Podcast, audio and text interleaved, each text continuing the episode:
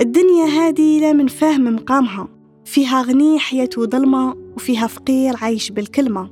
فيها لي خوات وعديان والغريب داير بيه من كل مكان.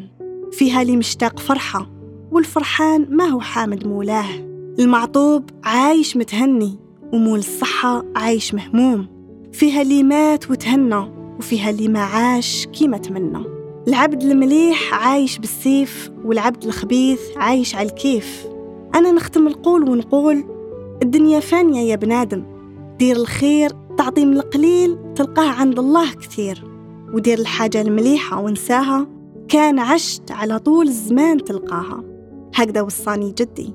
وكما قالوا ناس بكري اللي يزرع الريح يحصد غباره وما يبقى في الواد غير حجاره.